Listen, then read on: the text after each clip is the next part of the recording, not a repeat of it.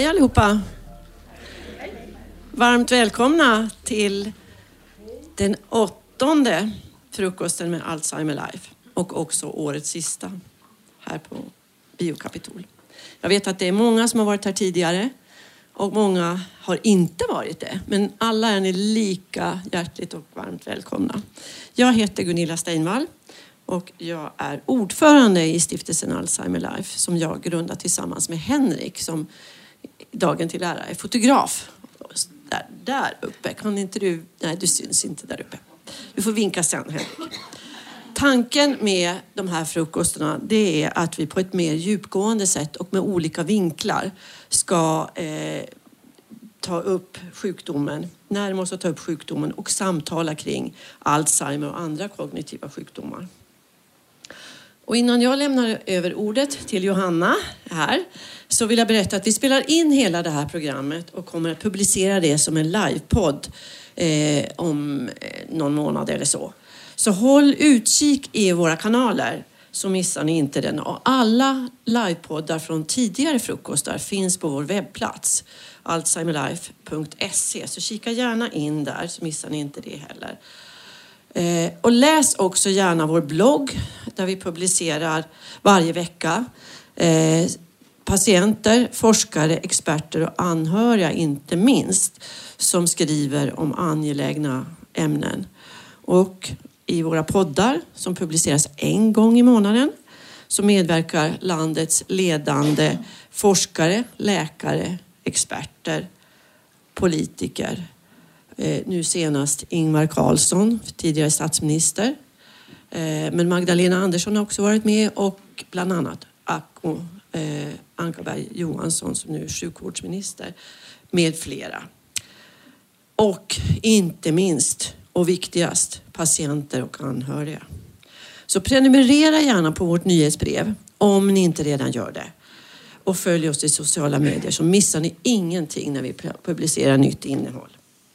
Och därmed så tänker jag lämna över ordet till dagens programledare, Johanna Hinteregger, som också är vår duktiga verksamhetschef på Alzheimer Life. Så varsågod Johanna. Tack så mycket. Ehm, ja, det är med varmt hjärta som jag kan presentera dagens ämne och det är alltså kärlek och Alzheimer. Det, är, det är tufft.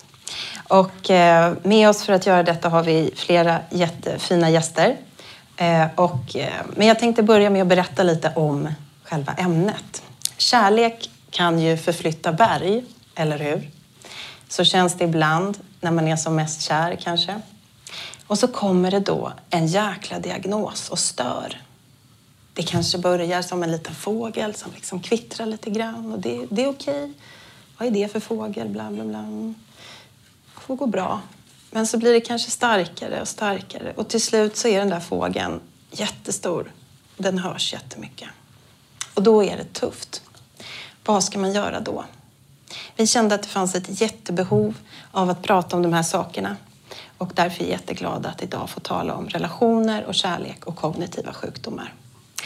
Och vi börjar som vanligt med patienten. Så därför välkomnar jag upp Gustav och Anja här på scen. Välkomna. En liten applåd.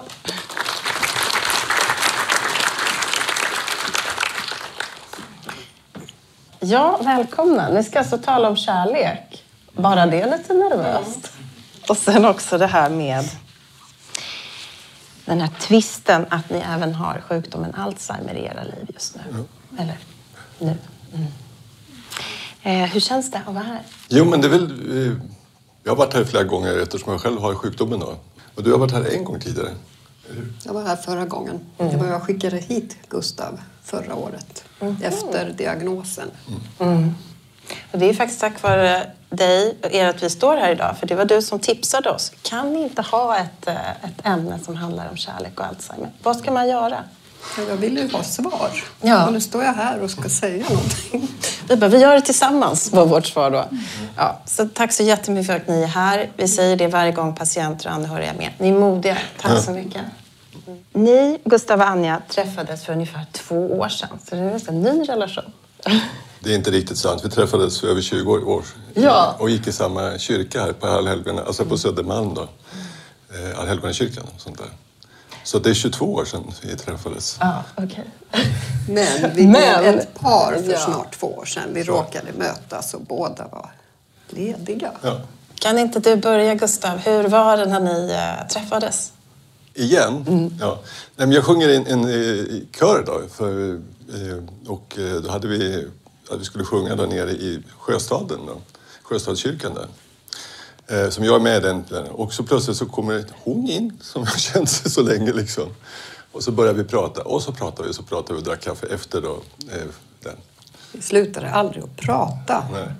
med varandra. Och sen två dagar senare så gick vi ut tillsammans och då blev vi tillsammans. Helt enkelt. Ni slut... Ja. Uh. Ja. Var det läskigt? Ni är ju båda Eh, lite äldre ändå. Du var 65 då, du var 60 ungefär. Ja. Var det lite konstigt att träffa liksom en kärlek sådär på äldre dag? Jag sa till Gustav, eftersom vi kände varandra där när vi möttes då, så sa jag att jag har det jättebra. Jag har varit ensam i fem, sex år. Jag har börjat få barn, barn. Jag tror jag ska vara själv, för jag har det så bra. Det menar du inte, sa Gustav. Så, så jag vet inte, när kärleken, det bara... Ja, vi kände ju varandra på något sätt. Vi var ju vänner. Hur kändes det för dig då? Nej, men det var... Vi träffades där och satt jättelänge och pratade i kyrkan och så, så sa vi att vi skulle gå ut och promenera tillsammans. Och så kommer hon med det där, som, hon är ju från Finland också, så nu var det lite så att det få lite ordning på sakerna. Så hon säger, jag behöver titta till min, min, min kolonilott och hus, huset där. kolonistuga. Hus, kolonistuga. Och det var december. Ja. Och det var jävligt halt ute kan jag säga. Så, Så- det handlade, så det var er första vi fick gå och hålla i staketet för att komma fram till den här stugan. Så. Och sen så blev vi tillsammans. Ja, men jag kan säga, jag skulle inte tagit någon helt okänd till min stuga, men jag visste ju vem han var sen 22 år då. Så jag, jag tänkte att då fick jag, jag var tvungen att få ihop mitt liv. Ja. Kolla till stu, inte bara sitta på Södermalm och fika med en dejt så. Utan vi gick rakt in och, och så promenerade in i... Om någon vill veta hur man tar sig fram på så här, när det, man håller i ett staket och grejer, fråga mig efteråt ska jag berätta. Man tar sig fram. Och ni kunde inte sluta prata även då ju, på den här halkiga, isiga Ja, eh, gången. nej. Ja. Mm. Men ganska tidigt i det här så säger du någonting. Att du tror att, det, att du ska gå och kolla ditt, din Ja. hjärna, eller hur? Ja. Varför sa du det? Nej, men för jag tänkte också att det inte... Att det, alltså att jag måste veta det, att det, det finns det. Och det, mina barn hade liksom sagt, "Men pappa det där har du sagt förut, liksom, alldeles nyss och sånt där. Har jag, sa jag. Liksom, så här, jag förstår att det var lite knas i min hjärna. Så, så då sa jag det till henne, jag ska, vi ska nog, jag ska nog gå och kolla mig liksom, så vi ser hur, om det är så. Du till och med varnade mig. Så. Du, men du, nu är det så här, jag har förmodligen någonting med mitt minne, så gå nu om du ska gå. Och då sa jag ändå att ja, jag har med mig ett litet bagage från barndomen som jag kämpar med. Jag har inte alltid det lätt i relationer, så gå nu, sa jag till honom. Så blev det inte. Misstänkte du då vad det kunde vara? Var det din första tanke? Eller Jo, men det var det nog. Det var nog då att jag kände att det... det just det med mina barn har sagt att du har ju sagt det där liksom. Och sånt har jag inte, så tjatig har jag inte varit tidigare i livet. Så att, eh, och att också att jag märker att jag hittar inte saker. eh, Så. Eh, Jag har ett barnbarn. Jag träffade det i- igår, sådär. Han är drygt ett halvår. Och eh, när jag vaknar i morse nu så kommer jag inte på vad han heter. Jag har varit där och pratat med honom. Liksom. Så, så, Igår var du där hela dagen. Hela dagen. Och idag liksom, vad fan sicken heter han? Liksom. Ja. Sen kom jag på det, men det tog tid. Men har, har du haft någon tidigare erfarenhet av eh, kognitiva sjukdomar som Alzheimer eller något annat? Hos någon annan menar Ja, hos någon förälder eller mor och farförälder. Det vet jag inte. Jag tänkte på farmor var ju ganska... När hon på slutet så här, jag vet inte, det var kanske mer bara demens skulle jag tro. Eller sånt där. Eh, Mormor blev hundra år. Och hur kände du då, Anja, när du fick höra det här? Du säger du borde gå, eller, men hur kändes det för dig? Hade du någon erfarenhet? Blev du orolig?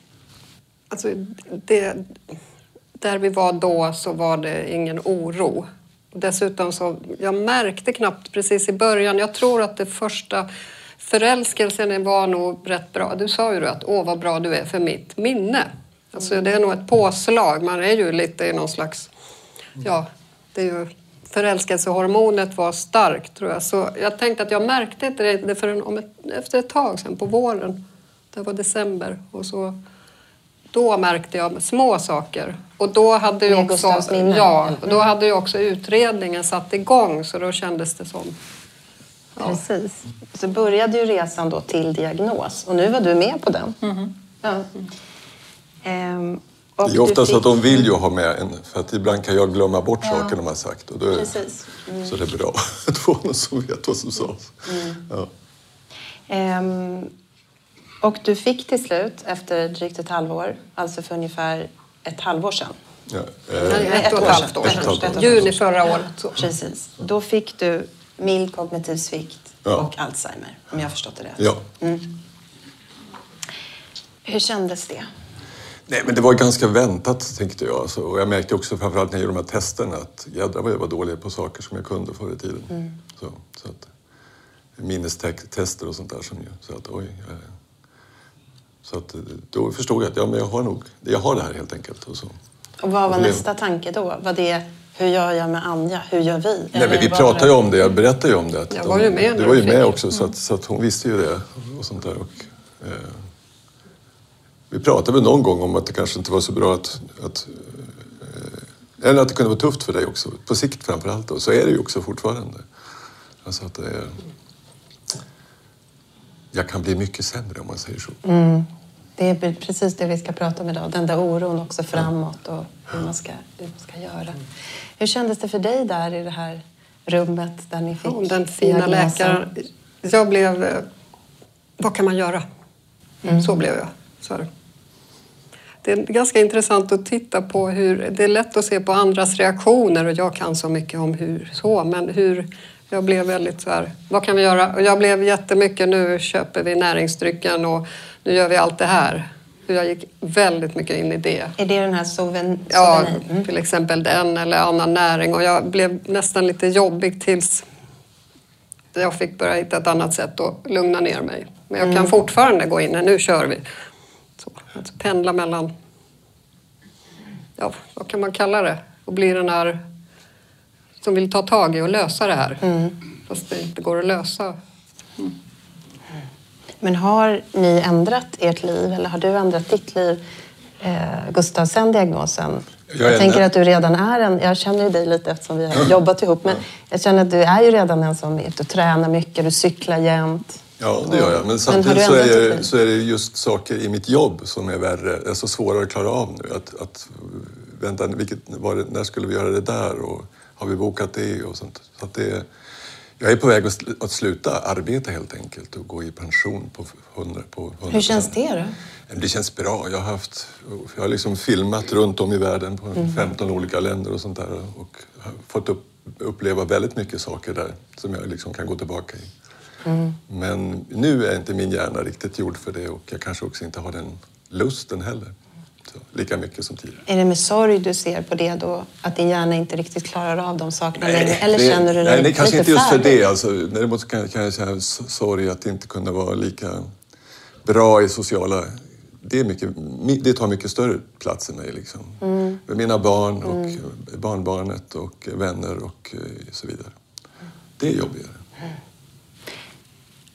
Sen så förstod jag att den här, ehm, du skulle varit med i en studie eh, som ju görs hela tiden för att, i forskningssyfte för att få fram nya mediciner och annat. Och det var ju väldigt nära att du skulle vara med i en sån studie och att det arbetet inför det och att söka upp den och så, det blev en liten livlina för er där i början. Att det är, okej, det finns ingen bot, men vi kan i alla fall sysselsätta oss med detta. Har jag förstått det rätt då? Ja, just det, att eh, få möjlighet att få den här medicinen. De har prövade då Karolinska Huddinge där vi var flera gånger och du var den perfekta kandidaten tills de hittar någon försvagning, helt normala saker i hjärnan som inte då USA som...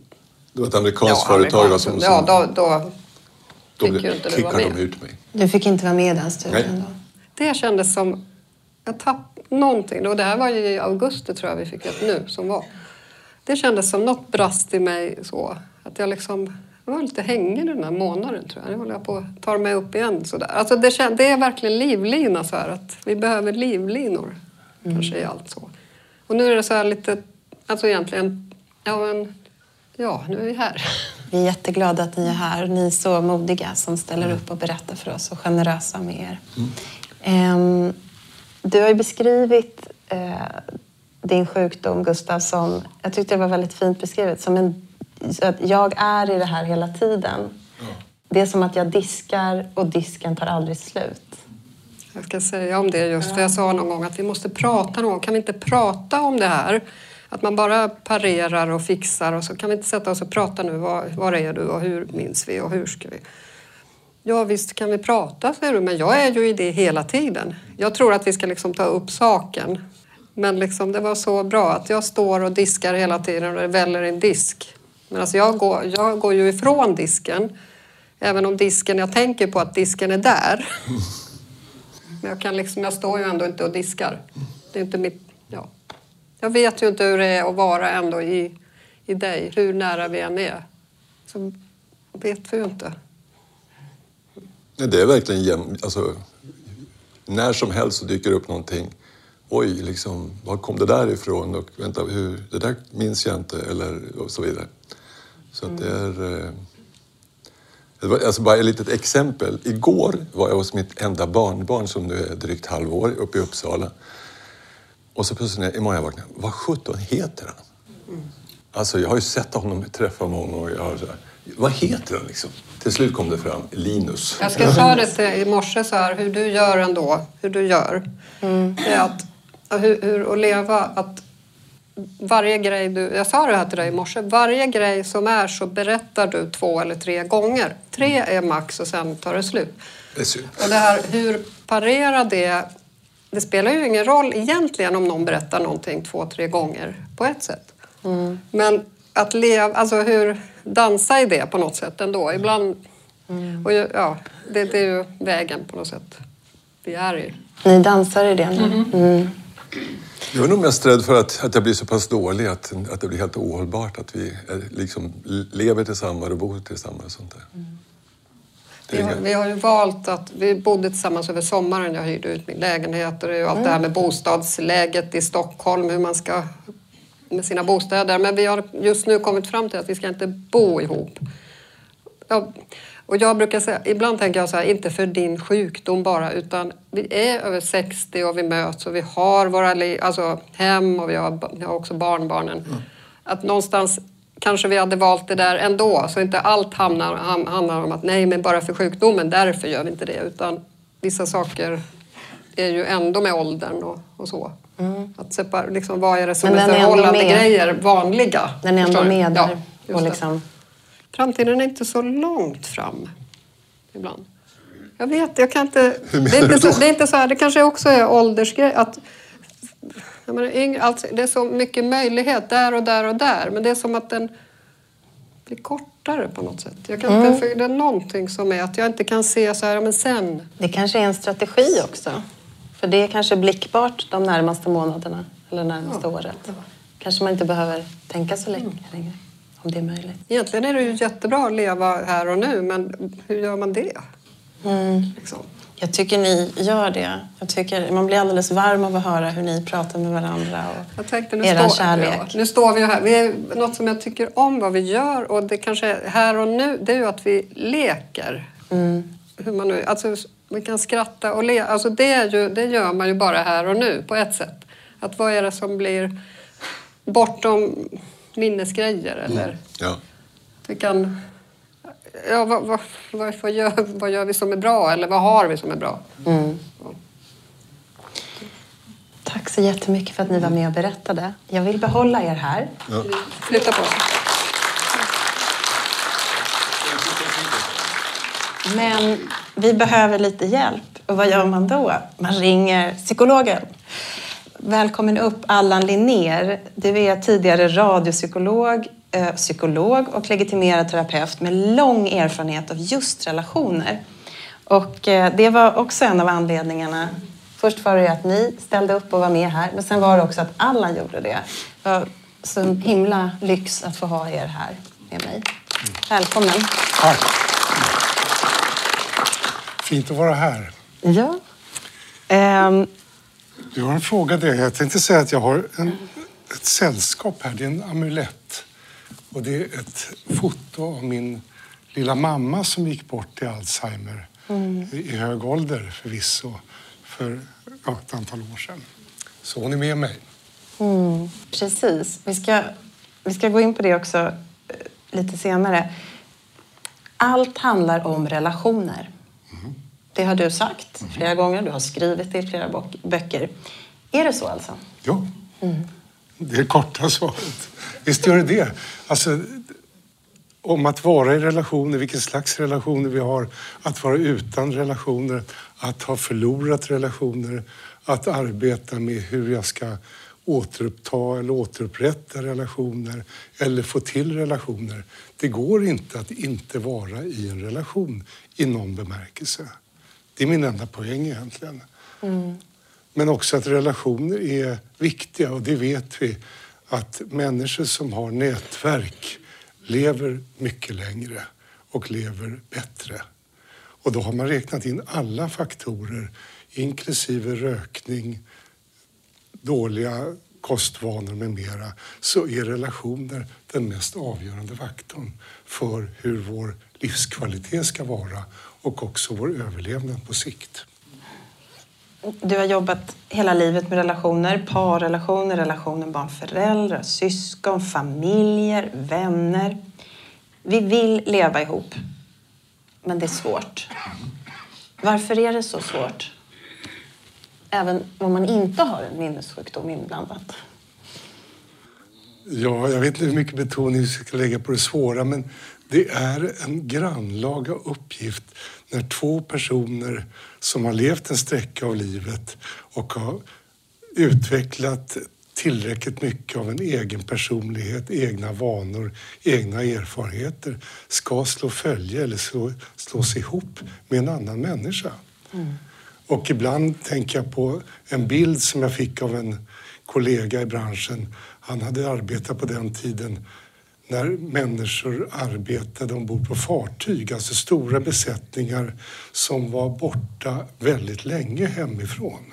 Vilket man inte är på samma sätt oavsett om det är på båtar eller oljeplattformar så har man en helt annan förmåga eller helt andra resurser att återvända hem och behålla kontakten med anhöriga. Men på den tiden så var de ifrån varandra, alltså ifrån sina nära under långa sträckor och instängda på ett begränsat utrymme och skulle eh, matchas ihop. Så han gjorde övningar med dem där de fick trimmas ihop. Det vill säga någonting i stil med att det här kan vara bra att du vet om mig. Att när jag blir eh, nervös då brukar jag bli rödflammig på vänster sida av halsen. Och eh, vad vill du att jag ska göra då? Då, Nej, men då vill jag att du ska säga att jag ser att det händer någonting med dig och så vidare. Någon slags, inte manualtänkande för det låter lite för tekniskt, men ändå någon slags enklare bruksanvisning utifrån att det här kan vara bra att veta om mig. Så här kan det visa sig och det här är vad jag behöver eller kan behöva just då. Mm. Mm. Man måste göra sig påmind. Ja, på olika sätt. Ja. Ehm, vad händer i en kärleksrelation om någon blir sjuk? Alltså det, det, det beror väl på. Det blir mitt tråkiga och lite korta svar. Det beror på vilken sjukdom det är och på vilket sätt den yttrar sig och på vilket sätt den färgar in i relationen. Men någonting gör det. Någonting gör det med den... Vad ska jag säga? Med det, det var ju ett uttryck alldeles för en stund sedan med, med bilden av en dans. Det gör någonting med hur vi dansar ihop. Vi kanske inte dansar sämre eller mindre ofta, men vi kommer delvis dansa lite annorlunda. Och om man då inte har dansat så länge innan, hur blir det då? Jag tänker att det finns en parallell till eh, barnet det lilla, lilla barnet som är beroende och behövande av sin vårdare. Eh, och man använder sig ibland av begreppet eh, symbios, det vill säga man lever som om man är ett och det är man i någon bemärkelse. Man är en, en vuxen, man är en kvinna som har ett barn och först när barnet efter cirka åtta månader, åtta, nio månader börjar få sina tänder, då börjar den bita ifrån och då uppstår en skillnad. Och på samma sätt kan man tänka, om man nu tänjer den där metaforen lite grann, kan man tänka sig att i en relation där man i bästa fall, alla har inte den erfarenheten, är passionerade, förälskade, uppslukade i varandra och njuter av igenkännande stunder, njuter av hur fint vi dansar med varandra. Men sen kommer tänderna och de kommer när vi börjar hitta olikheter, skillnader, vad vi går igång på, vad, vi, vad som är avtändande, vad som är provocerande, vad vi inte vet hur vi ska relatera till. Och det är ett spännande ögonblick och det kommer ungefär efter generellt sett åtta månader, tio månader, ett år. Då kommer tänderna. Och då blir dansen annorlunda och ställer andra krav, rymmer andra utmaningar. Mm. Och jag tänker på er som har börjat dansa sent i livet. Mm. Eh, och eh, jag ska inte gå in på vad ni har känt för varandra men ni har uppenbarligen känt så mycket så att ni har velat fortsätta dansa ihop. Så jag har lite frågor och tankar kring ja, hur dansar man när det sker en sån förändring som ni är med om just nu? Mm. Ehm, ja, du, du har ju precis hört Anja och Gustavs vackra historia med den här vibrerande twisten. Det är nästan som en film. Jag ser er där när ni besöker en kolonistuga och den här halka vägen. Det är liksom som en romcom eller en romantisk komedi. Och så finns den här vibrerande konflikten, den här sjukdomen. Hur ska det påverka? Vad känner du när du hör den här historien, Kina vackra historien? Alltså, jag känner många saker. Dels har jag själv när jag blev orolig över mitt eget minne eh, så med lång tvekan, jag tror att jag tvekade ett år, så jag tänkte jag måste ändå få koll på det här. Är det så, eftersom det kan finnas ärftliga faktorer, att även jag bär på någonting som kommer utvecklas åt något håll framöver? Så jag genomgick en eh, minnesutredning och det var rätt psykande tycker jag att göra det. Det var lite läskigt. Eh, nu tyckte personen i fråga att det jag uppvisade eller gav exempel på fortfarande var inom ramen för ett naturligt åldrande. Men det finns ju ett frågetecken och det kommer jag ha med mig även om det inte oroar mig så mycket just nu. Men, men sen dyker upp en mening som jag har gått och tjatat med i mitt huvud apropå någonting som någon av er sa och det är att sen är nu. Alltså det, sen har på sätt och vis kommit att bli, inte irrelevant, men annorlunda. För det är så många saker, och det tänker jag, det hör till åldrandet, så många saker man vet och märker är på väg att förändras, kommer att förändras och bli annorlunda på gott och ont. Och det där kan man, men sen märker jag att men, tiden kommer inte finnas eller jag kan inte ta den för given. Så jag kommer leva i bästa fall mera i nuet. Och det är många frågor som jag tänker att jag varken kan eller vill skjuta på. Men det innebär också en omställning i mitt psyke. Och det är det som kommer som det här lilla mantrat att sen är nu. Och det får konsekvenser om jag lever utifrån det. Det är så konstigt då. Är det så här att bli lite äldre och vara med om det här? Det är som att Ja, du sa det. Det är någonting som händer. Det som, jag kan inte begripa att sen är nu ändå, fast jag får tag i det ögonblicksvis. Ibland kan jag säga, egentligen är det fantastiskt att du har den här sjukdomen, för då måste vi, vi är här nu, som egentligen alla borde vara. För vi, ingen vet någonting egentligen. Men det är någonting, det kanske är så här, det är som att det, jag kan inte ta in det själv ibland, den här nuet, fast jag säger det. Mm. Så pendlar jag mellan att förstå och inte förstå. Det är att någonstans, ja. Det är svårt att veta vad som är ålder och vad som är annat, men eh, det sker förändringar. Och jag tänker på eh, en formulering som jag själv tänkte när jag tillsammans med Anders Nyman skrev en bok eh, under rubriken Kärlekens koreografi. Och då tittar vi på bland annat det här hur vi initialt när vi träffas börjar snickra på ett vi. Och jag har formulerat det som att viet är parets första barn och ibland också det enda.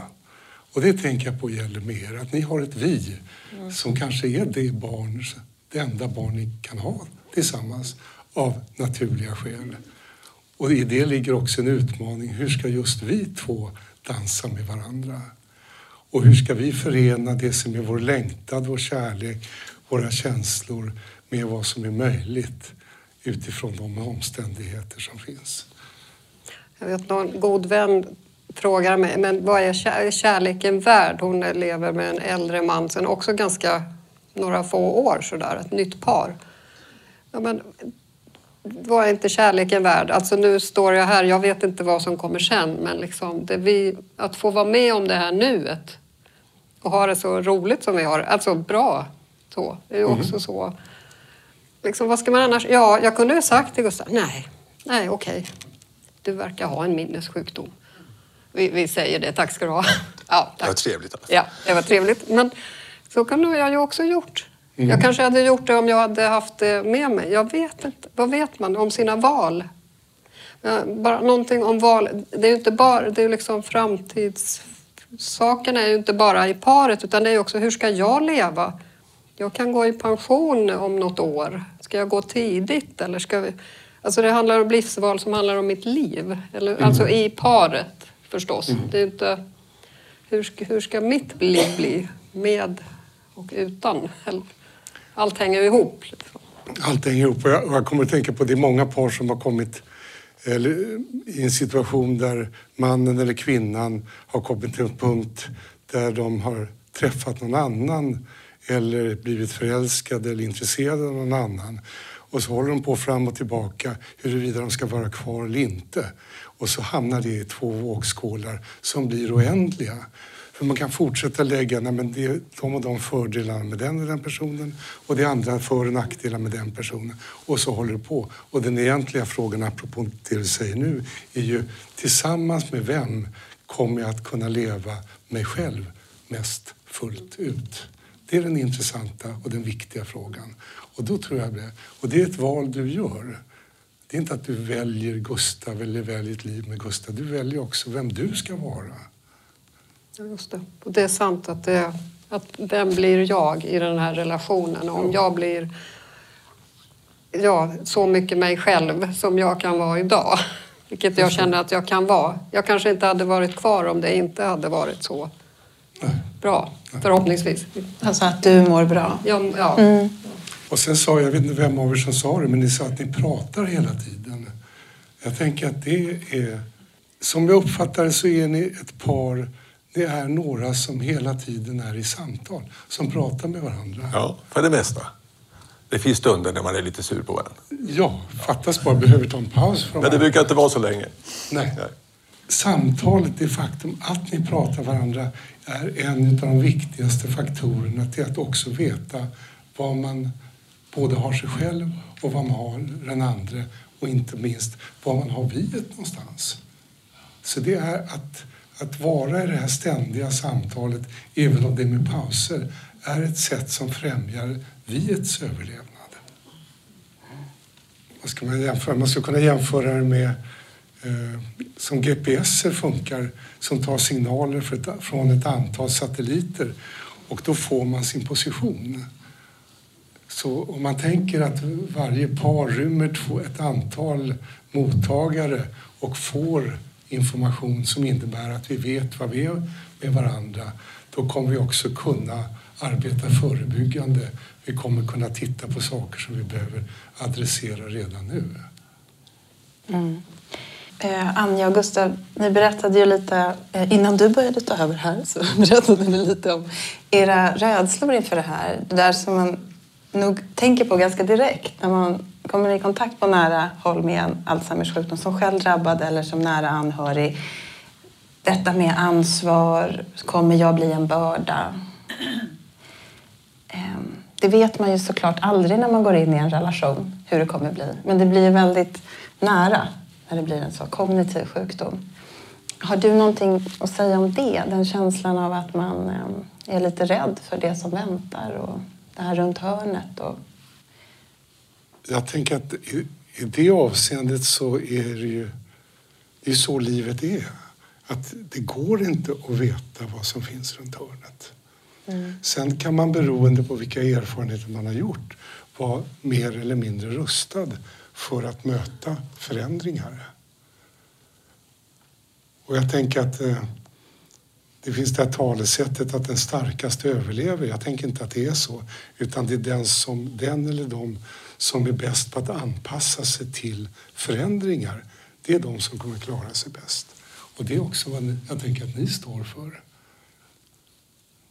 Det är inte bara att hantera olikheter utan att hela tiden vara med om, eller inte veta, hur mycket kommer vad, vad kommer ske och vilken omfattning kommer det ske och på vilket sätt kommer det rucka mina banor? Och hur mycket kommer det utmana den person jag är utifrån de förutsättningar jag har och så vidare. Jag kanske låter lite allmänt men, eh, mm. jag tänker att det är en, en generell fråga, en allmängiltig fråga. Mm. Mm, om man har några sista ord om det här viet. Jag tycker det är väldigt bra att tala om. Eh, men vad, vad händer med det när någon börjar bete sig annorlunda eller man inte riktigt kan lita på, på den personen på samma sätt som man har kunnat innan? Så vad händer då? Ja, det, det var en svår fråga. Det, det, kan inte jag svara på såklart. Utan det hänger ihop med hur man... Ja, vad det landar i en själv, vad det landar i vår dans. Och också vilka förmågor, vilka sätt vi har att prata om det.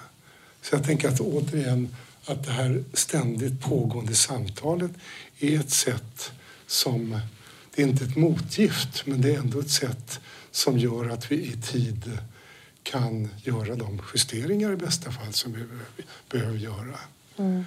För att ta en drastisk eh, liknelse, det var i ett par hörde jag en, den ena säga att den dag jag känner för att vara otrogen mot dig så är du den första som ska få veta. Mm. Mm. Det, det, är en pragmatism.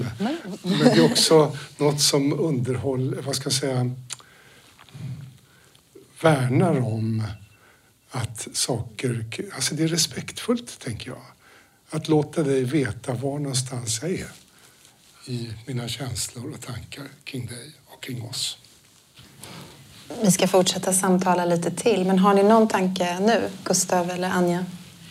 Det är en stor fråga egentligen. Jag tänkte på den där dansen mellan att vara den som omhändertagaren ändå redan nu, men fixaren den som kommer ihåg och pendlingen mellan att vara ett jämbördigt par. Alltså den dansen tycker jag är lite svår. Alltså jag kan ju hamna, jag är så här inne i medberoendefällan så. Och så behöver jag, ja, alltså det är en dans som jag själv håller på med. Mm. Och som inte har egentligen heller med Gustav att göra utan har med min bakgrund och alltså, vad mycket jag ska lära mig idag hela tiden. Om mig själv också. Mm. Hur, hur, ska jag dansa? Ja, jag vet inte om det här är rätt sammanhang. Men jag skulle utmana, och nu tar jag bara en del av det du säger, när du kallar det för medberoende. Jag är inte säker på att jag är så förtjust i den termen. Ja. För det är som om vi vet vad den betyder och det vet vi inte därför att den kan betyda väldigt många olika saker. Och sen det är inte... Att vara beroende, att vara behövande är självklart på ett sätt. Att det, I bästa fall ska vi kunna vara det. Men vi ska också kunna vara beroende. Så att det här med beroende tycker jag har en lite dålig klang. Men det finns något gott med att vara ett beroende. Det är en del av en relation att vara det. Mm. Um, jag tänkte bara kort, Allan, jag får ställa lite frågor ja. till dig. Men uh, hur påverkade det dig? Du har ju ändå en egen erfarenhet av Alzheimer genom din mamma. Jag vet att hon drabbades sent. Mm. Ehm, att du var vuxen. Ehm, men Vi bodde i hur- olika länder. Ni bodde i olika Stundvis länder. i alla fall. Eller Ja. Mm. den större, större delen av tiden. Ja. Ehm, hur, hur påverkade det er familjen då? Du har en bror och din pappa var i livet. Han befann sig också någon annanstans. Så vi var på olika kontinenter. Större, Allihopa? Eller Alltså olika mamman- länder. Ja, då. så var det. oj. Så har det varit eh, det- det, det, hela ditt liv? Ja, ja, så är det självklart. Du är diplomat så. Ja. Ja, ja. Så är det. Men hur påverkade det er då, med den, i den här speciella situationen då? När man egentligen behöver vara nära, eller? Det väckte en starkare saknad Efter din mor? efter min mor. Mm. Det, det bidrog till ett eh, taskigt samvete att jag inte var på plats. Eh, Mm. Det kändes också viktigt. Ja, det hade varit bra och viktigt att kunna vara det och inte låta vår pappa ta hela det ansvaret. För han var ju äldre än hon. Och där som sagt var på äldre dagar. Så att eh, det var inte bra. Men det var också det var så våra liv var. Att vi hade vant oss av vid att vara både behövande och beroende ganska tidigt. Så det var inga konstigheter för vår del. Men jag kunde ju se min pappas förtvivlan och han, han skämdes ju för att han blev elak. Han, för att han tappade tålamodet. Och Jag tror många här vet vad det är att bli elak när man talar om kognitiva sjukdomar och så. Det är ju när Han tålamodet inte- tar slut, helt enkelt. Han kunde inte avstå från att fräsa ifrån när han får samma fråga tolv gånger senaste halvtimmen och så vidare. Det var ju bara de första månaderna eller halvåret som hon själv var medveten om sin sjukdom. Sen gick ju hon in i ett annat tillstånd där hon var mera omedveten om det. Och sen förlorade hon språket successivt. Hon talade ett antal olika språk. Så det sista vi kunde göra, min fru kunde sjunga med henne och jag kunde göra något annat. Eh, Så det blev en omställning där vi ändå kunde ha det vi kunde på, utifrån våra egna förutsättningar. Mm. Men det ruckade er ändå lite i grunden, Ja, ja. familjen. Ja. Det är olika kontinenter. Ja, Ja. det är klart. Skalv känns ju hela vägen så att säga. Tack så jättemycket för att ni har varit med och berättat. Och stå kvar. Vi eh, ska få träffa en av förgrundsgestalterna, tänker jag lite till, eh, när man talar om kognitiva sjukdomar i Sverige. Och framförallt om kärlek och Alzheimer. Eh, då hon vårdade sin livs kärlek och tillika allas vår världsmästare i tungviktsboxning, Ingmar Johansson.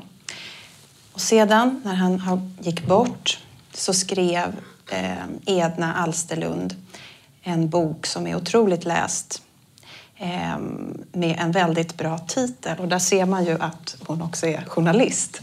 Eh, den längsta ronden heter den och jag tror att många här har noterat att den finns att läsa om. Välkommen upp Edna Alsterlund, hela vägen från Blekinge.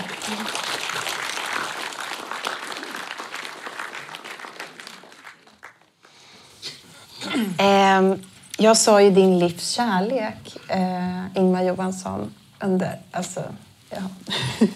ni var ju superkändisar och, eh, och så. Men framförallt var ju ni ett par.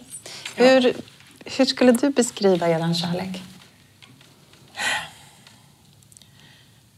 Ja, det var... Från att jag träffade honom första gången... Jag arbetade på tidningen C vid den tiden. Och det var ju mest äldre kollegor till mig. Det var mest män, uteslutande män nästan. Och de hade ju följt Ingmars karriär. Rune Moberg var ju en av profilerna på tidningen C. Och han hade ju varit med Ingmar uppe i Grossinger och ofta på festerna så här på tidningen så pratade man, de berättade skrönor och stories om Ingmar. Och jag hade inget förhållande till Ingmar Johansson mer än att jag växte upp söder om Göteborg ute på Särö. Och, och, eh, så att jag, eh, jag hörde ju hur de nästan älskade honom, de här kollegorna till mig. Och jag tyckte mest att ja, och sen så flyttade han till Amerika och han sitter väl där då. Eh, Sån här, ja du vet proppmätta skattesmitare som sitter och, och, och längtar hem efter Kalles Kaviar. Och, men, men, eh, så att jag hade ju inga förväntningar på honom när en kollega till mig som hade varit över och intervjuat honom bad att när jag skulle över till eh, USA i, på jobb men jag skulle vara först en vecka i Florida så sa han kan inte du ta med lite överbilder och, och några exemplar av tidningen och åka förbi Ingmar och tacka för att han var så himla gullig när vi var där. Han tog så fint hand om oss och var så öppen och rar. Och eh, det gjorde jag ju då och jag blev ju fullständigt överraskad över att hitta en eh, kolossalt allmänbildad, humoristisk, eh, charmig man som jag hade väldigt mycket gemensamt med. Så mm. jag blev ju eh, förtjust i honom redan första kvällen som vi var ute. Och han i mig då. Sen kändes det som att varje gång jag åkte ifrån honom så fick jag hemlängtan. Och så hade jag ju inte känt i mina tidigare relationer utan mer att, åh, skönt. det, det, är ju ett underbart jobb jag har också, att vara mm. journalist. Det är ju det roligaste som finns tycker jag. Och, ehm, så att jag har ju alltid rest iväg med stor förväntan och förtjusning på, ny, på nya äventyr. Men eh, jag hade för första gången en del av mitt hjärta kvar. Och vi växte ihop under... Vi fick ju många lyckliga år tillsammans. Mm. Och vi, men vi växte ihop rätt fort. Och vi valde att leva så väldigt tätt med mm. varandra. Det är lite farligt, eller hur? Alla. Det är ju lite grann på liv och död, men, men för oss var det ett underbart sätt att leva. Kan inte du läsa ett litet stycke ur din bok eh, som handlar om när Ingmar lärde dig lite om kärlek? Ja, det här är det första halvåret. Under det här första halvåret lärde Ingmar mig oerhört mycket. Han lärde mig att fiska i tropiska vatten. Han lärde mig att köra bil. Eh, lärde mig laga chicken à la king. Såg till att jag fick en hyfsad golfsving. Visade mig att det var okej okay att köpa två par skor av samma sort på en gång om de var supersnygga och fanns i olika färger. Viktigast av allt var att jag fick mitt, först, mitt livs första lektion i villkorslös kärlek. Som uppvuxen i ett hem av kontrollerad tystnad blev jag skräckslagen första gången vi brakade ihop och bråkade. En inskjuten sparv som jag trodde att nu är det över. Men Ingmar var trygghetens klippa på jorden och han förklarade allt så bra. Han sa, min lilla älskling, jag är inte arg på dig. Jag blev ju bara arg på vad du sa. Älskar dig mest i världen vet du väl. Så generös är själva kärleken. Bara en stor man tänker och formulerar sig så enkelt. Mm. Tack. Vad vackert skrivet. Ja. Och så blev det till slut den här boken efter många år tillsammans och efter att Ingmar hade blivit sjuk. Och jag, den är ju en ärlig bok om Ja, det var ju det jag saknade. Mm. För att jag visste ju lika lite om demenssjukdomar som alla andra när Ingmar drabbades. Jag tyckte det var jättekonstigt. Han började skriva ja, E istället för O på korsorden. Mm. Och, så vi löste alltid Allers A-korsord och Svenskans profilen tillsammans. Och så tar jag upp ett korsord och ska fortsätta på det och så går det inte ut. Nej, men då har, då har han skrivit eh, Eh, e istället för O på det kemiska tecknet för syre. Det vet ju ett barn. Och, och, han glömde stänga av vattnet när han tog eh, bred på kranen. Alltså, alltså små, små, små, små saker till en början som inte är värda och, och Men hade jag gått till en eh, någon läkare och sagt att vill du kolla min man för att han skriver E istället för O på, som kemiska tecknet på syre så hade ju jag blivit blivit undersökt snarare än, än, än min man. Så, eh, och glömsk hade han ju alltid varit. Mm. Så det var ju inga nyheter. Men sen så blev det ju då att det blev ju allvarligare saker, större saker som jag märkte personlighetsförändringar som kom. Och hade vi inte haft de här 15-16 åren i baken av genuin lycka och, och kärlek till varandra, då, då vet jag inte någonting om hur, hur pass jag hade orkat. Nu blev det ju så att jag tog hand om Ingmar och följde med honom på ett vis in i sjukdomen och eh, blev hans hårddisk. Och, eh, så att han flyttade in i mitt huvud och jag ägnade dagarna åt att stödja och hjälpa honom så mycket jag kunde. Och det är ett val man får göra och jag var ju tvungen att ja, mm. agera ut eftersom mina förutsättningar är. Mm. Det blev en lång och jobbig resa. Men också, det var det ja, jag, ville säga, väldigt mycket kärlek. Ja, Även om den här boken är ärlig och tuff på många sätt. Mm. Och det är det jag tänker var nytt då när den kom också. Ja. Här är någon som vågar skriva om hur det faktiskt kan vara. Så in, den är, bygger på kärlek. Ja, det var därför det... vi ville ha dig här också. För att du, det är den där balansen, tänker jag. Kärlek och arbete. Och ja, det, det, alltså, jag tror så här, jag har ju märkt nu, jag reser ju runt och föreläser eh, en del ute i, runt om i Sverige. Jag är i utlandet också lite. Men jag, tyck, jag tror att förhållanden eh, bryts tack, när väldigt tidig, tidiga stadier av sjukdomen. Alltså innan man har fått någon diagnos, innan man egentligen märker någonting så kan det vara små personlighetsförändringar och folk reagerar sunt och tycker att, att eh, nej men nu dricker han för mycket och han slutar inte och, och eller han har blivit elak och snäsig och egotrippad. Och då, om det inte är riktigt, riktigt, riktigt stark kärlek och många år av det bakåt så är det nog en, kanske en bra idé då att bryta. Mm. Jag, menar, jag var helt förtrollad när jag satt och lyssnade på er. Det var ju världens sötaste kärlekshistoria hur ni träffar varandra och, och, och så jättesött. Men har men man det är haft... bara två år? Ja, det är underbart. Mm. Så det har inte den här, vi får ju inte den här långa som du och ni fick uppleva. Nej, det, det, det, jag, vet, jag har ju ingen aning om hur jag skulle ha reagerat om jag inte hade haft det här att han betydde så kolossalt mycket för mig så jag kände som att jag inte var någon om han försvann för mig. Och även långt in i sjukdom, för jag tog hand om honom. Jag ska bara säga så att han fick, alltså Ingmar Johansson fick alltså Alzheimer, 71 han, år gammal. Han, han fick en otypisk Alzheimers med starka frontala och temporala uh, angrepp. Jag tro, tror ju inte att jag hade varit kvar efter så lång tid men som, jag vårdade honom ensam åtta år, 24 timmar om dygnet, sju dagar i veckan. Och vad som var kvar av mig vid den tiden, det kan ju Allan berätta om för att det var... Ja.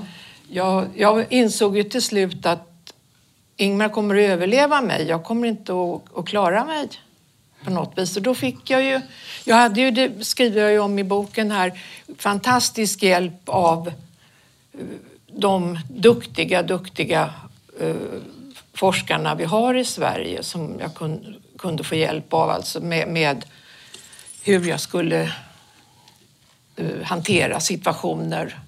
Men, Men, trots det var du ju helt slut.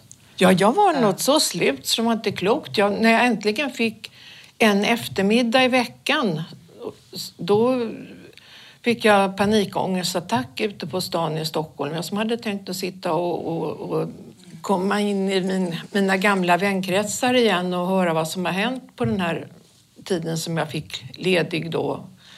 Det, det blev att jag satt hos Allan den här onsdag eftermiddagen en timme och det, att, att bara ta mig tillbaka till mm. och börja känna vem jag var och vad jag kunde jag kunde inte beställa från en meny. Jag, visste inte, jag kunde inte känna efter vad jag ville ha. Men du hade kunnat fråga mig vad Ingmar ville ha den dagen. Jag visste precis. Vad var det då, Allan, när, när Edna kom och behövde hjälp? Vad såg du då?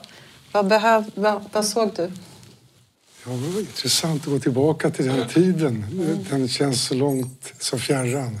Ja, det är många år. 20 år sedan. Ja, det måste det vara. Ja, Just det. Ja mer. Nej, alltså, jag, jag uppfattade att du hade kommit till en gräns för vad du orkade med. Ja, jag kände att jag var väldigt nära. Jag var på farlig mark helt enkelt. Och sen hände det saker med dina känslor också. För du var, precis som du säger, du var kvar i en, eller du blev satt i en helt vårdande funktion. Ja. Du blev hans minne, du blev hans stöd, du blev hans försörjare på alla möjliga sätt. Men det fanns inget utrymme för dig. Och Nej, var- utrymme heller att ta igen det på. Och det gjorde saker med dina känslor för honom också.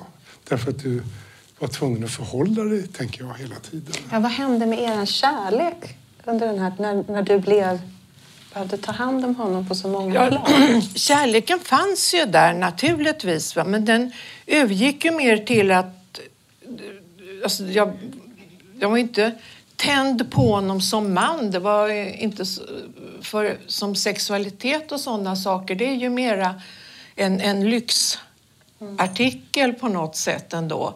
Utan, men gud, vad min, vi somnade ju varje kväll och han sa har vi det inte underbart älskling?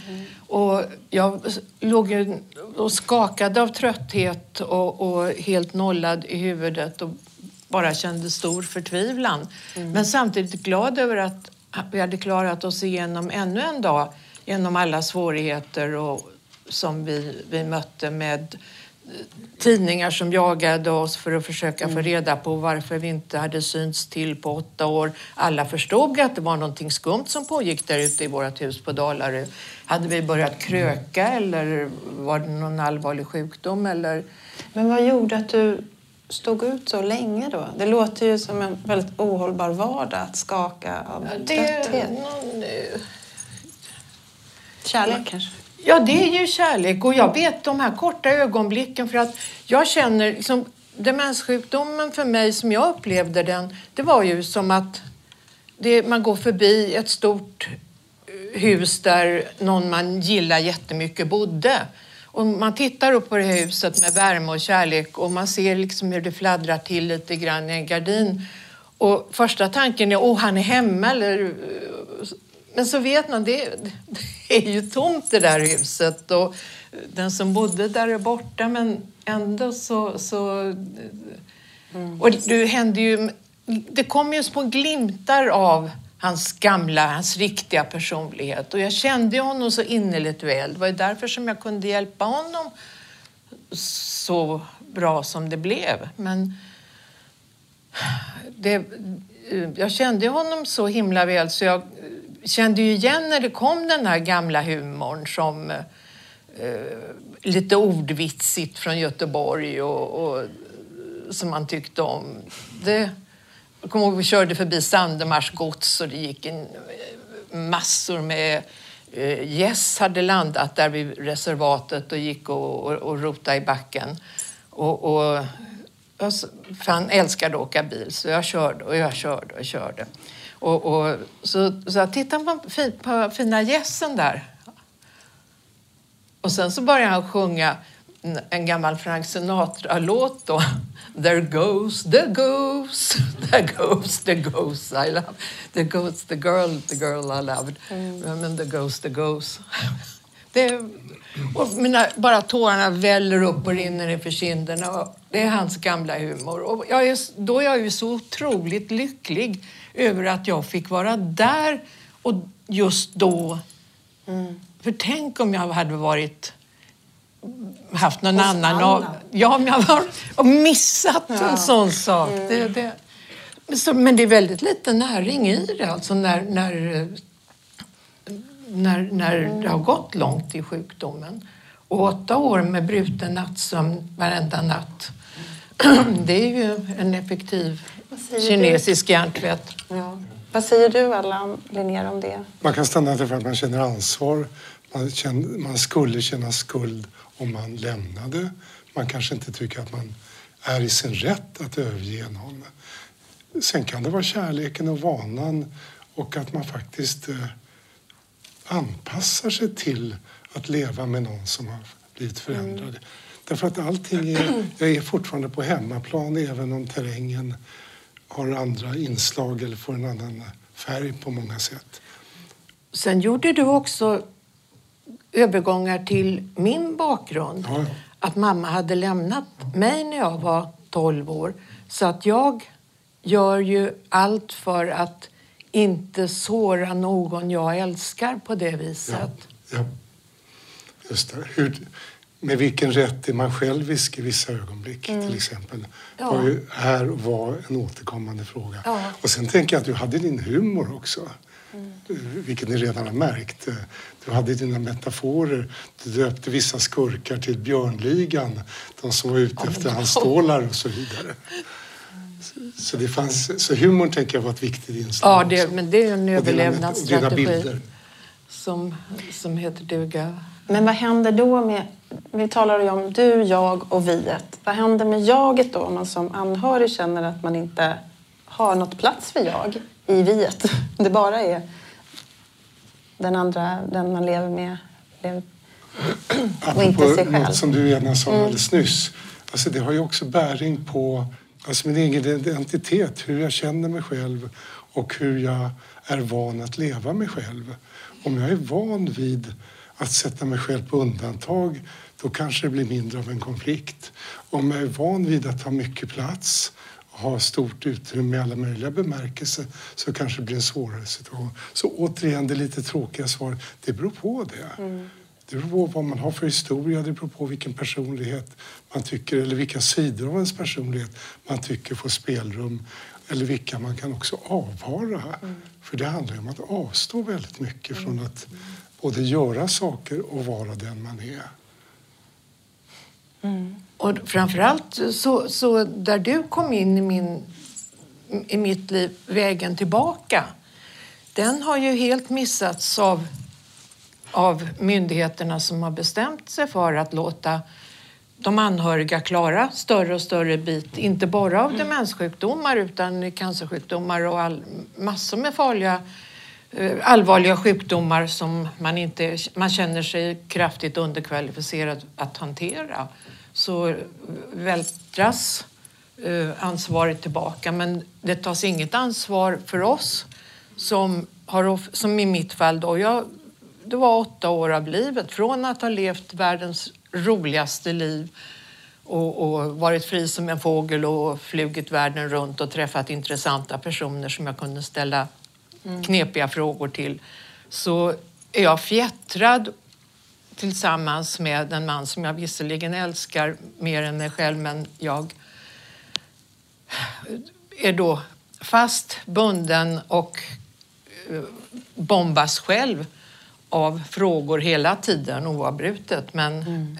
samma frågor, en variation på fem frågor ungefär, som mal om och om, om igen. Och, och jag kände ibland att, fan, säger han, frågar han liksom den här bojen som ligger där ute, den, den är väl vår, eller hur? Eller något sånt där. Jag, jag kunde frågorna, jag såg vad han tittade på, jag visste vad han skulle fråga. Och jag tänker, jag, jag brister, jag, jag går fram mm. i tu. Alltså, han, och så mm. kommer den här frågan. Och då har jag ju lärt mig av Barbro Beckfries, fantastiska professor Barbro Beckfries, hur viktigt det är att man behåller lugnet, att man svarar på varje fråga lika utförligt och engagerat som om man fick den för första gången. Och mm. Det är inte lätt. Man förtrycker sig själv. Och jag, mm. jag hörde själv ibland hur min röst uh, var, var skruttig. Mm. Och, och Ingmar blev irriterad. Så, Tala riktigt! Jag hör inte vad du säger. Och jag mm. pressar ut med sista kraften jag har. Den bojen, mm. den har vi inte längre. Den har vi gett ja. bort. Alltså den situationen för anhöriga ja, och patienter. Ja, när du man... får den liksom mm. för tjugonde gången på några timmar och man... Ja. Men samtidigt alltså, det, vi hade ju många underbara stunder för att den som är drabbad av en demenssjukdom är bland de mest värnlösa människor som finns. De är som en öppen bok. Och eh, det, det är så rörande eh, att känna förtroendet och, och kärleken ifrån någon som är så genomärlig som en, en ganska svårt demenssjuk människa kan vara. Och hur folk kan ägna sig åt att bedra dem eller behandla dem illa eh, är obegripligt. Ja. Tack så mycket Edna för att du var med och berättade här. Stå gärna kvar. Stå gärna kvar. Ehm, det finns ju olika typer av kärlek och relationer. Hittills idag har vi främst talat om den som uppstår mellan två personer som blir kära. Och vad händer då om någon får en kognitiv sjukdom? Men den mellan barn och förälder då? Vad händer då? När ens förälder blir sjuk? Och vad händer när det inträffar tidigt? När ens pappa bara är 50 år gammal? Välkommen upp på scen, Janni Ahlgren. Välkommen, en applåd.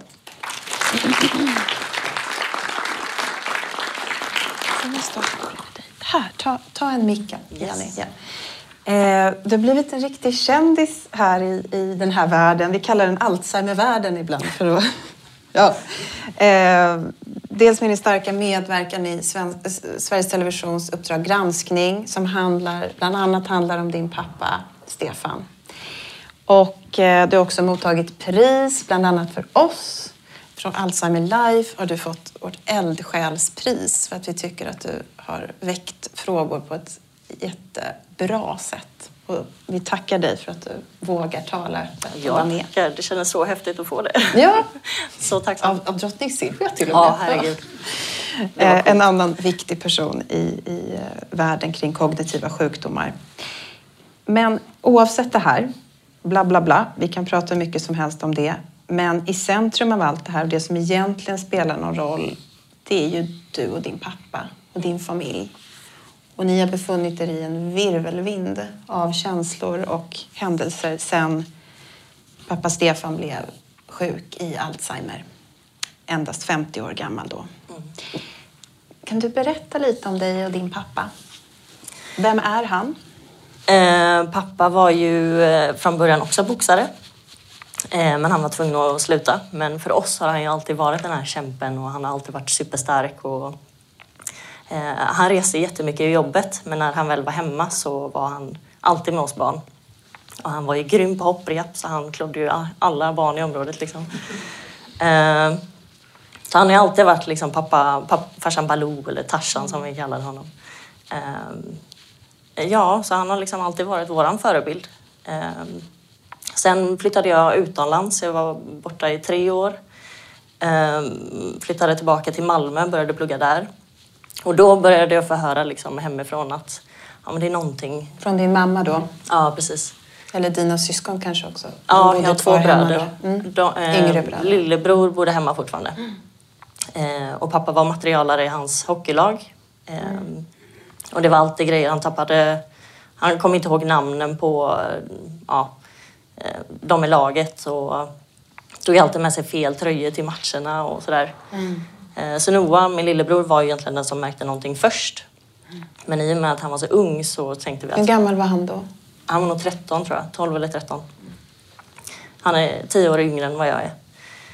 Eh, Så en liten sladdis.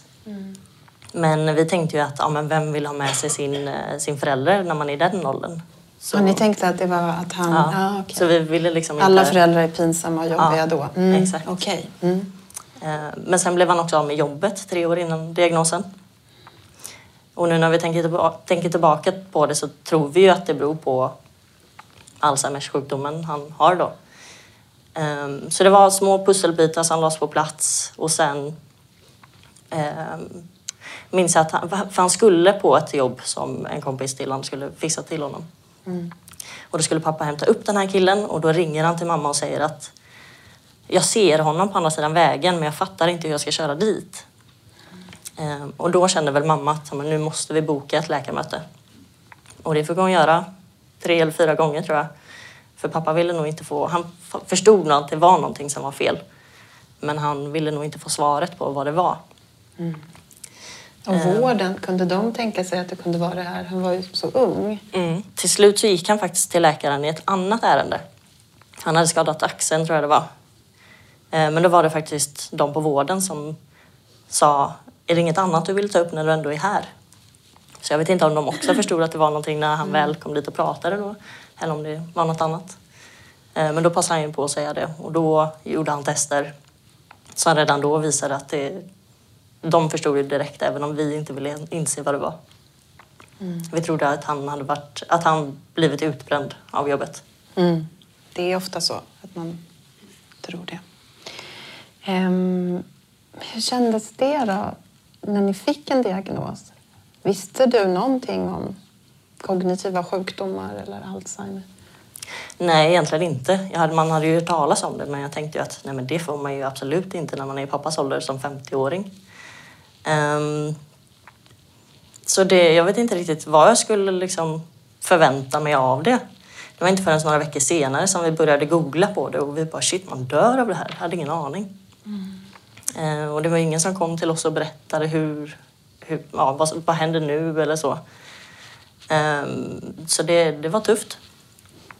Men sen började ni en resa tillsammans, du och din pappa. Mm. ehm, som gjorde att ni kom varandra närmre än vad ni hade kanske gjort annars. Verkligen.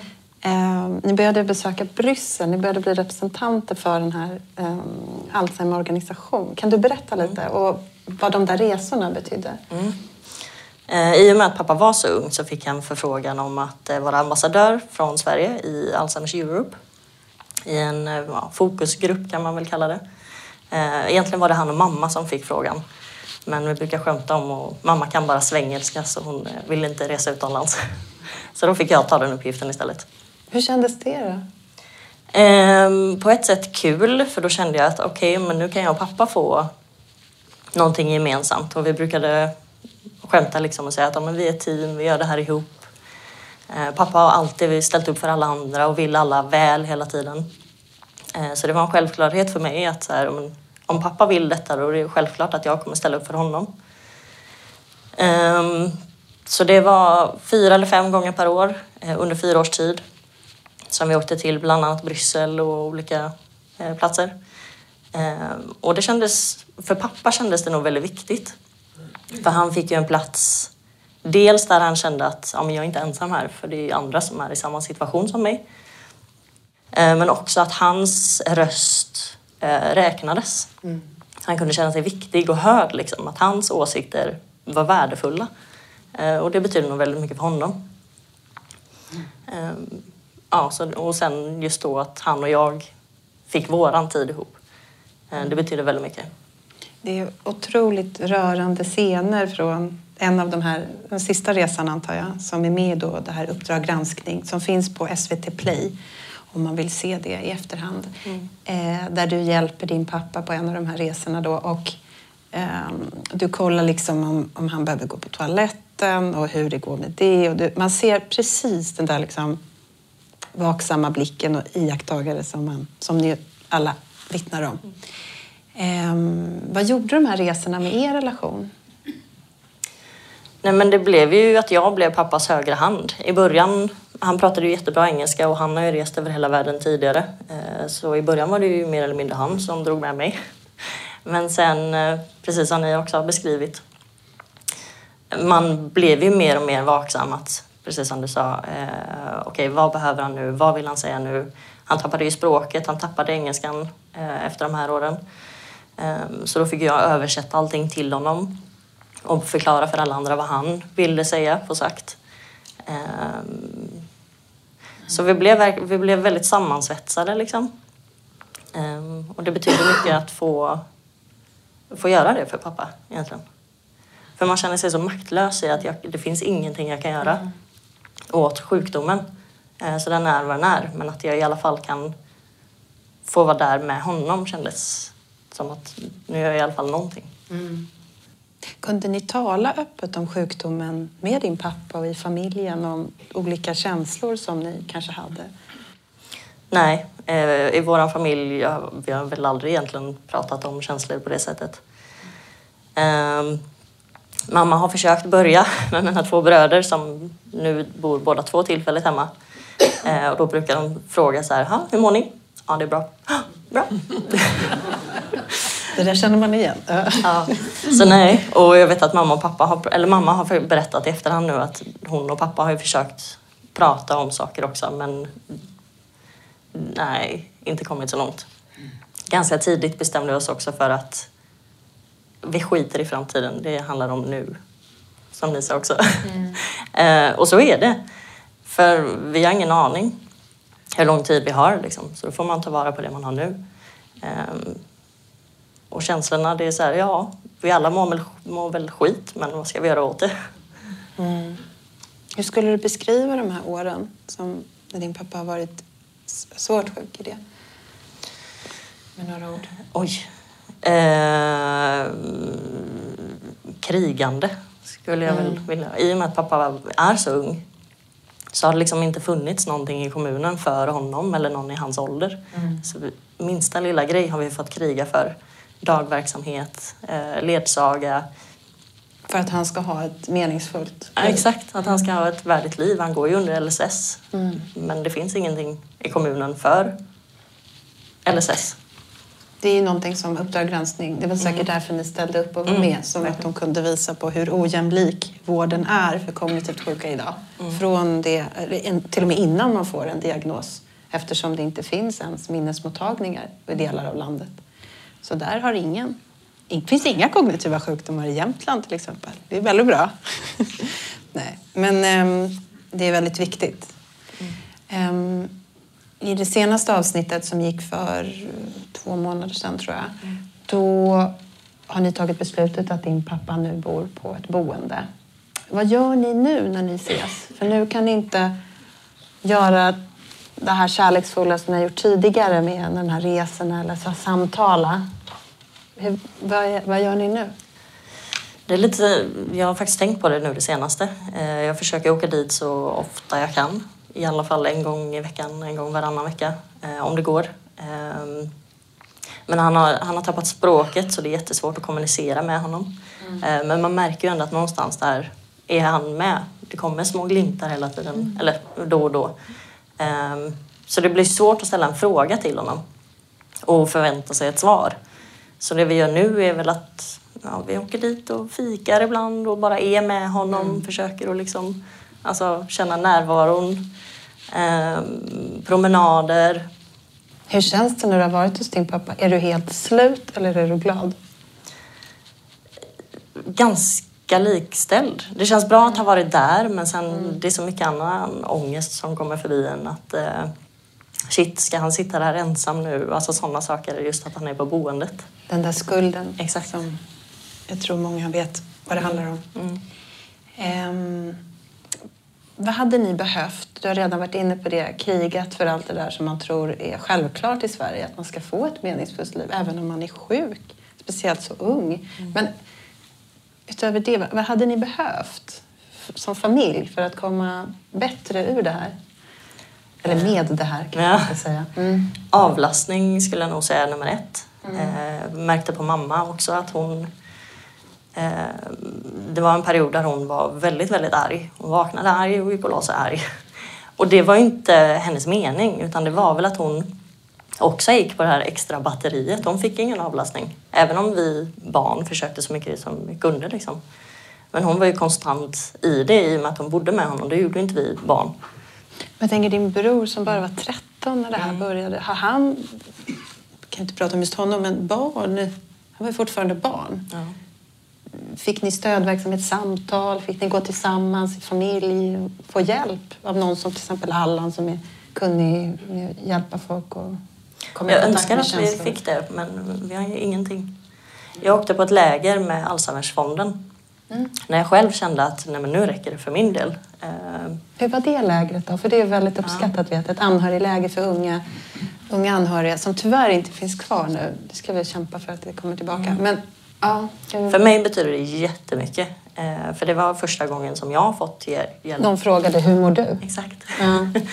Eh, någon, ja, man fick frågan själv. Alla där visste exakt vad det var man gick igenom. Eh, man, man behövde liksom inte ställa så mycket frågor till varandra utan det var all, samförstånd. Alla förstod vad det var som var. Ehm, och att där fanns det någon man kunde prata med och där fanns Silvia, sjuksköterskor och allt möjligt. Och det, ja, det gav mig styrkan men sam, samtidigt vet jag att mina bröder och min mamma har inte fått det stödet. Och jag har tjatat på dem att de ska åka dit, mina bröder, men de är inte jättesugna. Ehm, och även att mamma ska ta liknande hjälp av någonting. Men ja, nej. Med din erfarenhet, Allan, om du tar en mick. Eh, det är ju inte så konstigt att man som en ung, ung anhörig eller som barn, när ens förälder börjar bete sig märkligt, behöver hjälp. Att tänka och känna och känna var är jag i det här? Var går mina gränser och så. Vad, hur tänker du när du får höra att man inte självklart erbjuds den hjälpen? Jag blir inte När man är så, så ung. Mm. Jag blir inte förvånad. För den här nedrustningen den har ju pågått under ganska många år nu. Och tydligt märks det just, eller tydligast märks det väl kanske just med olika instanser som ska sörja för barns bästa. BUP är i stort sett nermonterat jämfört med vad det var en gång i tiden. Och så ser det ut över hela fältet. Det är bedrövligt, tyvärr. Och de kanske vore viktigast därför att de, de är skyddslösa. Det är inte, de, de, har, de är inte i åldern där de kan be om hjälp annat än på väldigt indirekta sätt. Visa sin förtvivlan eller maktlöshet eller vad det nu kan handla om. Så de behöver må riktigt dåligt ibland för att kunna få uppmärksamhet. Och ofta hjälper inte ens det. Tyvärr. Det är synd. Verkligen. För det behövs inte så mycket heller, kan man tycka. Men så är fördelningen just nu. Att det inte ens finns det lilla. Liksom stundens sällskap eller någon som bara hjälper en att sätta sin situation i något sammanhang som gör det lite mer begripligt, i bästa fall lite mer hanterbart. Förlåt, jag vill bara lägga till också. Innan sa jag att mamma var väldigt arg i perioder. Jag vill också lägga till att eh, jag, man märker så himla stor skillnad nu eh, när pappa flyttar till boende och hon får sin, sitt jag tillbaka. Eh, det är en helt annan relation, som, eller, ja, relation och energi som hon kan lägga på pappa nu, idag. Bara för att hon kan ladda batterierna eh, på annat håll. Så även om det är jobbigt att sätta honom på ett boende så sätt så behövs den ja, avlastningen. Liksom. Det förstår vi.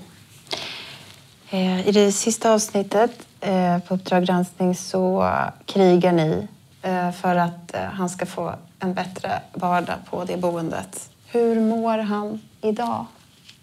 Pappa? Ja. Hur, hur ser hans dagar ut och hur, hur skulle ni säga att han har det nu efter programmet? Efter programmet eh, kan jag säga att det har blivit bättre. Vi var inte jättenöjda med boendet. Eh, för det första har kommunen inget LSS-boende att erbjuda, så det är ett äldreboende han bor på. Eh, och det märks tydligt att de inte har den vanan av demens på boendet. Ehm, men efter tv var där så har det ändå blivit bättre både med hans hygien, eh, han får aktivering, eh, komma ut på promenader och sådär. Ehm, och det behöver pappa för han har varit den mest aktiva personen som finns. Typ. Ehm, så han mår nog bättre i det. Ehm, men samtidigt är det ju så svårt att kommunicera med honom i och med att han inte har sina, sitt tal. Så det, det är svårt att fråga honom hur han mår. Men han är alltid, alltid väldigt, väldigt glad. Mm. När ni kommer såklart. När vi kommer. Ja, ni verkar vara en helt fin familj, även om ni har svårt att tala om känslor. Ja. Vi började med att säga kärlek kan flytta berg, eller? Och när man hör om er så, så är det ju så. Ni har ju lyckats förändra hela demensvården i er kommun så att han får det drägligare. Tack så jättemycket för att du var med, Janni Ahlgren. Mm.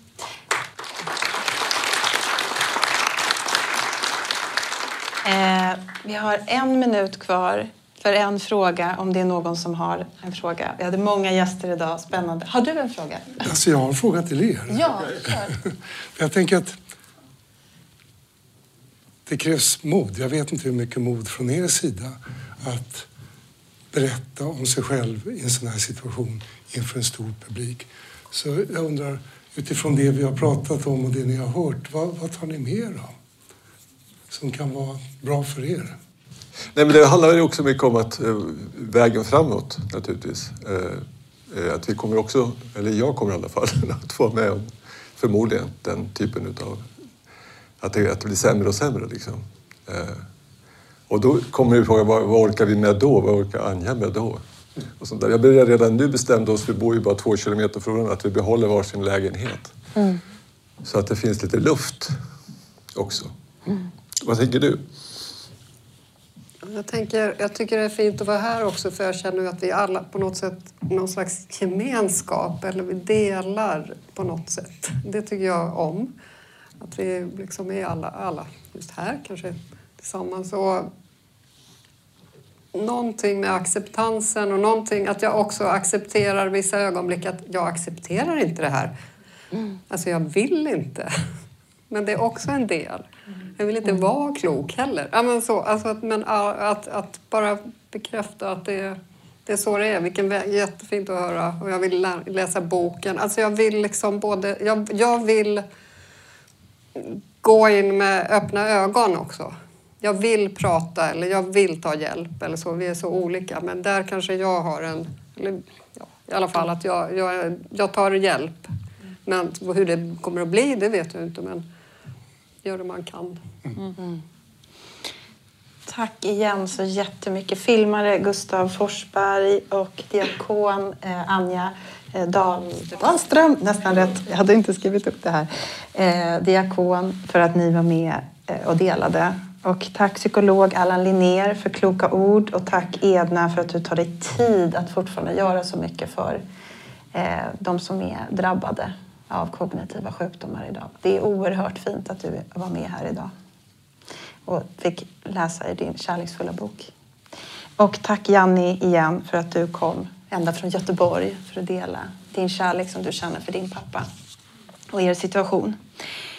Eh, som sagt har vi spelat in det här samtalet. Håll utkik om ni vill höra det igen.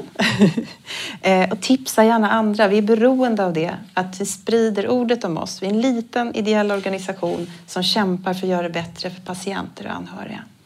Så sprid oss. Hjälp oss. Nästa frukost ser ut att bli i februari och eh, då tror jag att det blir Henrik som kommer hålla i den. Och då tror jag det blir ett forskningsnedslag kanske kring det senaste om kognitiva sjukdomar. Väl mött då. Jag som intervjuar heter Johanna Hinteregger. Några sista ord från Gunilla och sen så eh, kommer vi avsluta det här.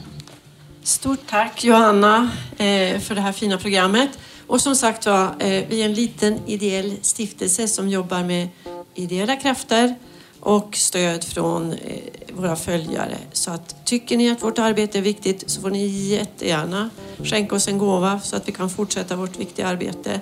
Jag tackar på förhand och tack för att ni kom. Välkomna tillbaka.